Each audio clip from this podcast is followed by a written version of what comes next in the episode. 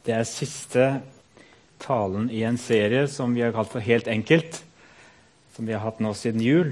Og det er jo sånn at Vi fokuserer en del på hvordan vi kan forenkle livet vårt. Hvordan vi kan få fokusert det som er viktig, ikke bare for oss som menighet, men hva som er viktig for oss som enkeltmennesker i mitt liv. Og kanskje også hva som er viktig i den livsfasen som vi er i nå.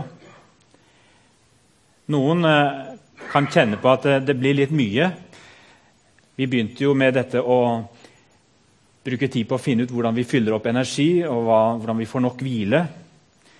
Og så var vi raskt i gang med kalenderen og skulle ha et prosjekt i våre liv på det å planlegge bedre kalenderen vår, sånn at kalenderen kan bli en visjonsbærer. Og så var vi ikke før ferdig med det, så skulle vi jobbe med økonomien vår og planlegge den bedre. Og så har vi fått litt hjelp av sånn, et vers, et livsvers på prekenen sist for to uker siden når Helge var her. Men men noen kan jo kjenne på at ja, de har liksom ikke kommet i gang med ett av disse små prosjektene sine, så skal de på en måte videre på noe nytt. Og Det kan jeg forstå veldig godt. Det kjenner jeg godt igjen i eget liv. Men jeg håper at uh, vi har gitt ut noen spor som dere kan følge, og som kanskje noen av de vil være viktigere for dere enn andre. Men det handler om hva som skal til for at vi kan forenkle livet vårt og gjøre det tydeligere. Og Jeg sa at eh, det er viktig å, å, å, kjenne etter hva slags livsfase vi er i nå. og Derfor er det litt av den oppsummeringen som vi skal ha i dag, som går rett inn i det som har med hvilken livsfase er jeg i, og hva slags konsekvenser får det for uh, prioriteringene mine i livet. Dere har hørt om, uh, om Salomo, som blir kalt for forkynneren. Den er tilskrevet han, denne boka forkynneren. Det står i begynnelsen at uh, det var sønnen av David, konge i Jerusalem, som var forkynneren. Gå til ham og hør på hans ord. Men før vi går til han, så har jeg lyst til å bare vise dere en uh, sykkel her. Det var uh, Syng med for noen uker siden, og da hadde Elsa laget en flott dekor der hun hadde fått tak i en gammel sykkel. Ikke denne, men en flott, gammel sykkel som hun hadde flotte blomster rundt. og Så sto den der, og temaet var 'i medgang og motgang'. Og det var opp i dagen for de fleste, kanskje. I hvert fall for meg hadde jeg tatt den. da, At det var, handlet om at vi sykler både i motbakker og unnabakker gjennom livet. Men hun hadde glemt å fortelle oss uh, den litt uh, djupere meningen med sykkelen. Så den har jeg tenkt å gi dere nå. For hun var egentlig vel så opptatt av sykkelkjedet som av selve sykkelen. Sykkelkjedet som eh, har en sånn runddans i seg. Men den går ikke, den går ikke helt, den, den, går ikke rundt på den måten, for den ligger der oppe og går framover. Og så den, går den ned igjen, og så er det akkurat som om den går bakover en god stund når den er nede. Og så er den på vei opp igjen, og så går den framover. Og jeg tror mange av oss kjenner oss igjen altså vi, fokuserer veldig på sykkelkjedet. Så kjenner vi oss igjen. Vi føler liksom at uh, vi har begynt å komme inn i en god fase. Vi har begynt å komme i et godt spor. Vi kjenner at nå er det virkelig et eller annet godt på gang. Det begynner å løse seg litt i omgivelsene, på jobben, i familielivet. Og noen av de der feilstegene som jeg pleide å ta, de, de er akkurat som nå, nå, er jeg på en måte litt sånn løst fri fra dem. Og så, er det akkurat som vi er på vei ned igjen, og nesten som om vi går bakover. Og Kanskje noen har kjent på litt det i forhold til denne prosessen med å forenkle livet. at ja, ja, men Vi har vært der så mange ganger før. Det der med økonomi og det der med å få nok tid til å finne energikilder. Og jeg har vært der før, og jeg roter det bare til på nytt. Jeg orker bare ikke engang å gå i gang. Jeg bare henger med der hvor jeg er. Akkurat nå er jeg der nede. Jeg føler det går bakover. Og så er det den evige runddansen. Det er litt den som jeg opplever at forkynneren beskriver når han snakker om denne, dette evige jaget etter tomhet og at ting har skjedd før. Gå til forkynneren. Han begynner sånn Forgjeves, sier forkynneren. Forgjeves og forgjengelig. Alt er forgjeves. Hva har mennesket igjen for sitt strev? For alt det strever med under solen. Solen går opp, og solen går ned. Så lengter den tilbake til stedet der den går opp. Den skinner og vandrer mot sør, så vender den og vandrer mot nord, mens vinden snur og skifter og tar fatt på sin rundgang igjen.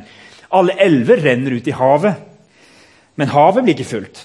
Dit elvene før har rent, fortsetter de å renne. Alle ting går sin strevsomme gang.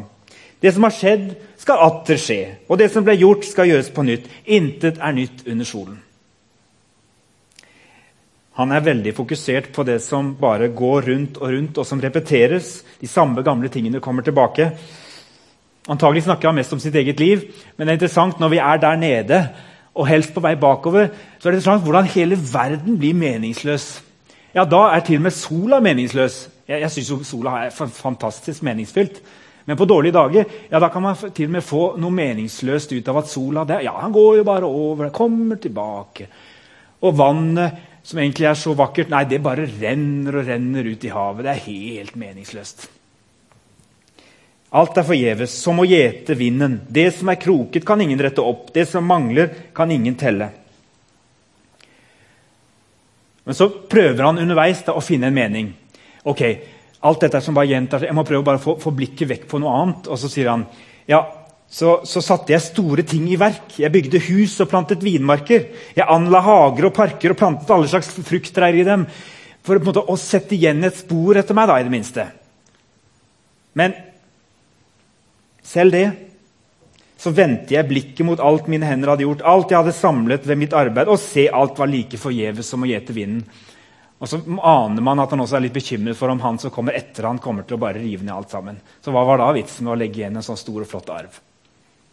Er det noen som kjenner seg igjen? Da hatet jeg livet, sier Salmo. For alt som skjer under solen, plaget meg. Alt er like forgjeves som å gjete vinden. Han er virkelig på den nede delen av denne runddansen i sykkelkjedet. Og så kommer disse her fantastiske, dette nesten poetiske diktet hans om, eh, om, livsfasene. Om alt har sin tid. Og I dette så opplever jeg at det ligger mye visdom. Jeg vet ikke om alt det han sier underveis, er preget av så mye visdom, men her griper han et eller annet. Og så finner han et slags mening i denne tilværelsen. Alt har sin tid. Det er en tid for alt som skjer under himmelen. En tid for å fødes, en tid for å dø, en tid for å plante, en tid for å rykke opp. De som har levd en stund, de vet veldig godt at det går i ulike livsfaser. Altså, veldig Mange har et veldig sterkt minne fra den tida de kanskje gikk på videregående skole og universitet. kanskje. Det var den fasen. For noen var det en veldig intens fase. Og så kom eh, kanskje de såkalte hvetebrødsdagene for de som ble gift. Og så kom kanskje småbarnsfasen. Jeg snakka med Torstein Kasjeta Tines her om dagen. De har da lille Maria, som er snart ett år. Det er jammen en fase. For dem handler det akkurat nå mest om nattevåk, for de har, de har fått litt mer av det enn enkelte andre. Og Da er det fint for meg å kunne smile og si ja, det er en tid for å våke, og det er en tid for å sove. Sove kan dere alltids gjøre senere. Det er en tid for alt. Hjemme hos oss er det en ungdom som vi strever med å få til å våkne og stå opp, mens andre strever med å få dem til å sove. Og For oss i vår familie så har det vært en tid for å akseptere at, at svigermor fikk slag som 69-åring og gikk inn i en livsfase som ble ganske annerledes enn hun hadde trodd, og de som var rundt henne, hadde trodd for noen år siden. Nå, nå er det sånn at Tidene kan skifte selv etter sånt, en sånn dramatisk hendelse. Også hun kan glede seg over framgang og bedre dager. Og Salomo han sier det er en tid for å gråte, en tid for å le, en tid for å sørge, det er en tid for å danse. Og I løpet av livet så vil vi oppleve mange perioder med, med dans. Vi må ikke la dem gå upåakta hen. Hvis du er i en sånn fase nå, så dans for Guds skyld. Marker milepæler i livet med å feire dem. Spis god mat. Drikk god drikke. Ta bilder, så du kan huske å se tilbake på denne perioden i livet ditt. Velsign og oppmuntre dem du feirer sammen med. Og så skal vi takke Gud, som er så god mot oss. For alle danseperioder i livet de kommer fra ham. Og De som er interessert i skiskyting, de fikk lov til å bivåne noen vakre øyeblikk i går. Tiril Eckhoff hun gikk inn til seier i VM i skiskyting i Oslo. Hun er et sånt følelsesmenneske som ikke klarer å skjule særlig godt hva hun føler. Det bare strømmer på på utsiden. Her For et år siden så gikk det skikkelig motbakke. Og når hun da var så hyggelig og måtte få en mikrofon i ansiktet, så så var stemmen helt der nede, og hun var skikkelig tung. Og Hun har hatt et veldig tøft år, sier de som har vært i støtteapparatet rundt henne. Hun har jobbet veldig mye med teknikk.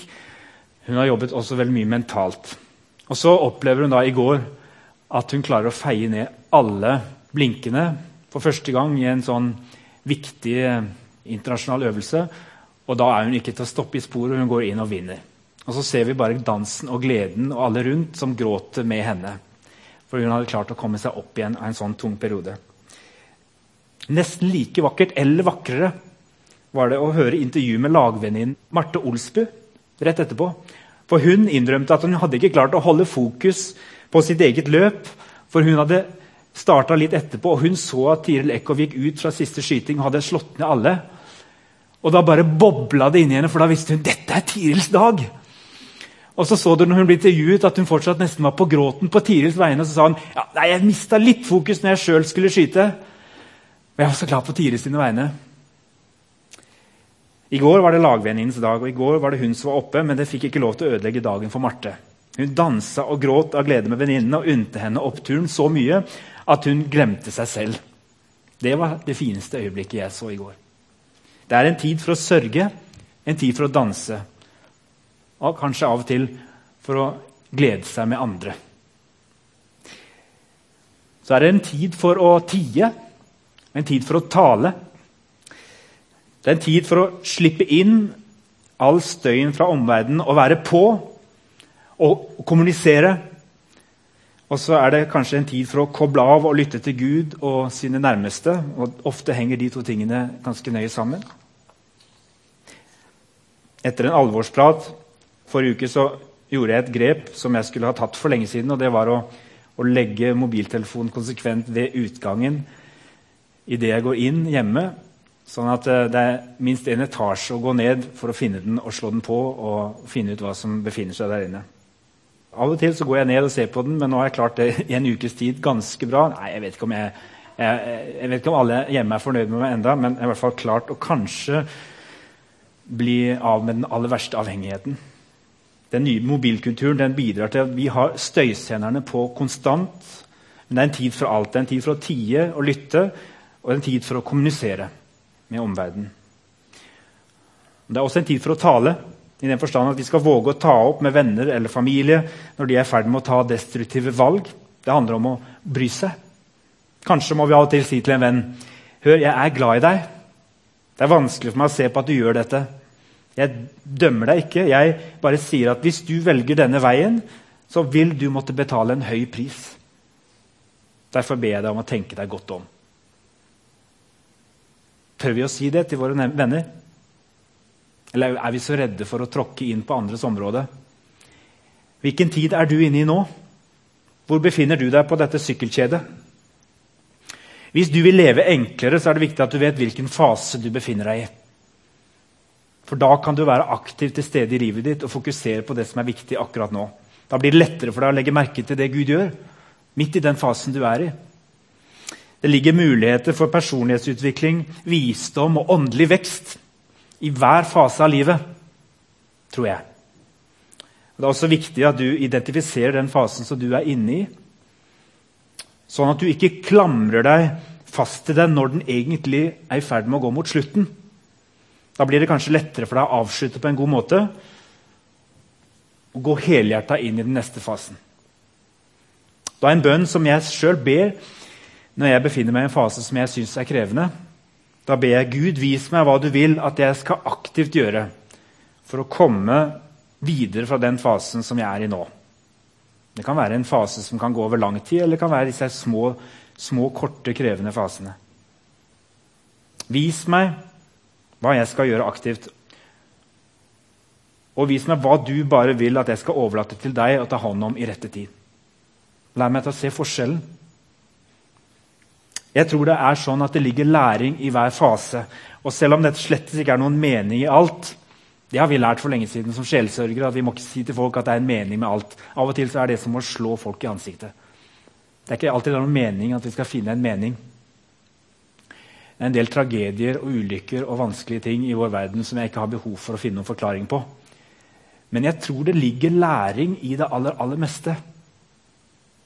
Fordi om det kanskje ikke ligger mening og selv om det slett ikke er da, noen mening, så, så, er det læring. Og vi kan være så opptatt av å komme videre til neste fase, komme ut av denne her, at vi går glipp av læringen i de omstendighetene som omgir oss.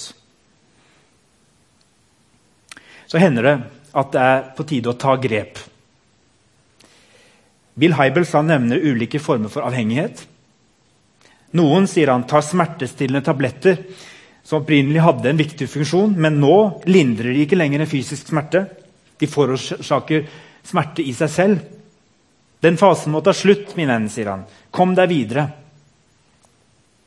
Hvis du drikker for mye, eller tar for mange smertestillende tabletter, eller ser et annet usunt mønster i livet ditt, nettavhengighet, spiseavhengighet Begynn med å fortelle det til noen. Sett navn på den utfordrende fasen.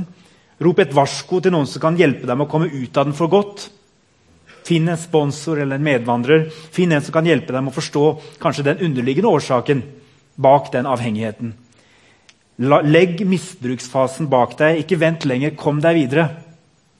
Det er ikke sikkert det er meningen at du skal ligge der nede på undersiden av sykkelkjedet igjen og igjen på alle områder av livet. Kanskje er det noen du skal få lov til å bli ferdig med og gå videre. Alt skapte han vakkert, sier forkynneren etter hvert. Hver ting til sin tid. Ja, alle tider har han lagt i menneskenes hjerte. Likevel kan ikke mennesket fatte det Gud har gjort fra begynnelse til slutt. I den forrige oversettelsen så sto det han har lagt evigheten i våre hjerter. Selv mange ateister vil si at de kan kjenne på en dyp følelse at det fins noe mer enn dette livet, men de klarer ikke helt å sette ord på det. Bibelen gir oss dette større bildet som vi får lov til å plassere dette sykkelkjedet inn i.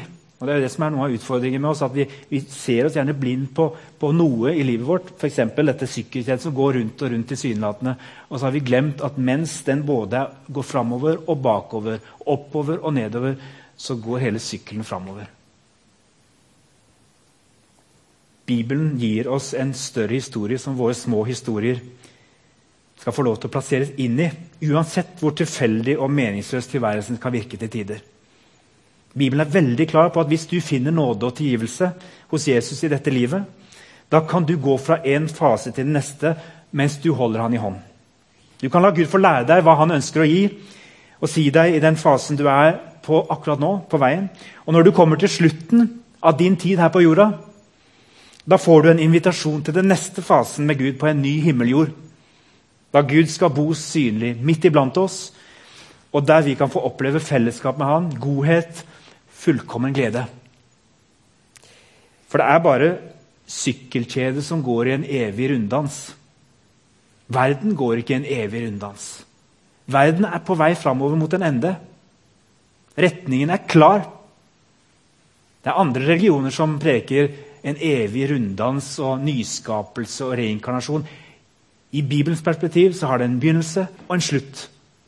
Og en ny begynnelse. Bibelen forteller at vi kan velge å ikke gjøre noe med den evigheten som han har lagt ned i hjertene våre. Vi kan velge å bare leve her og nå som om dette er alt. Vi kan velge å gå vår egen vei i stedet for tilgivelsens vei gjennom Jesus. Og da, da vil evighetsfasen bli annerledes. Gud respekterer de valgene vi tar her i livet. Han vil aldri tvinge noen til å tilbringe evigheten med han.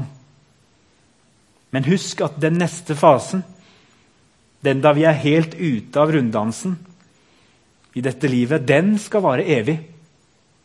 Gud inviterer oss til å ta hånden til Han som vil gi oss evig trivelse, evig liv.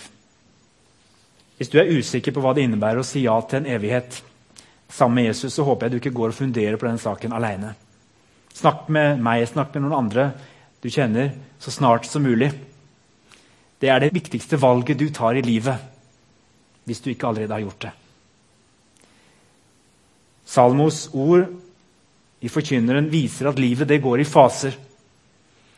Men jeg tror livet det blir enklere, lettere, mindre hektisk hvis vi anerkjenner de fasene vi er i. Vi kan bli mer fokusert mer til stede der vi er. Da henger vi heller ikke så lett igjen i en fase hvis det egentlig er meningen at vi skal komme oss videre. Og Det er enormt frigjørende tror jeg, å ikke bruke unødig tid på å unngå forandring, på å frykte det ukjente eller utsette den innsatsen som innimellom kreves for å gå over en ny fase til det neste.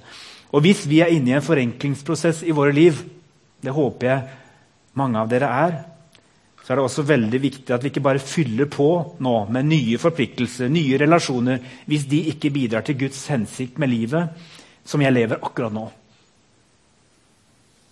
Jeg vil ta dere med på noen enkle refleksjonssteg til slutt. Spør deg sjøl, spør Gud, Hvor er jeg nå på sykkelkjedet? Er jeg der oppe, på vei framover? Er det tid for eh, glede, aktivitet, utfoldelse, sprenging av nye grenser? Eller er jeg der nede? Er jeg på vei litt tilbake? Er det å holde litt igjen? Er det å fokusere på en ventefase? Er det å ta hensyn til at nå er det veldig mye i livet som jeg er nødt til å ta tak i og få orden på, før jeg kan bare gønne på igjen? Hvor er jeg nå? Hvilken livsfase er jeg inne i? Herre, hva er mitt ansvar å gjøre noe med nå? Og hva skal jeg få legge i dine hender? Du tar deg av det. Du får meg videre når den tida er inne. Skal vi be. Takk, Herre, for at vi ikke er aleine med våre liv, med vår runddans. Takk for at vi er en del av en større virkelighet, en større historie. Gud, la oss få se mer av den større virkeligheten våre liv er en del av. Og så ber jeg deg, Herre, hvis noen ikke har rukket å ta det viktigste valget om den siste fasen, evighetsfasen, så jeg om at de ikke utsetter det, men rydder rom. Snakk med deg om det. Snakke med noen som kjenner deg godt og kan gå noen skritt sammen med dem. Takk for at det står i ditt ord at eh, din vrede varer et øyeblikk, men hele livet varer din nåde. La oss få del i din evighet av nåde. Amen.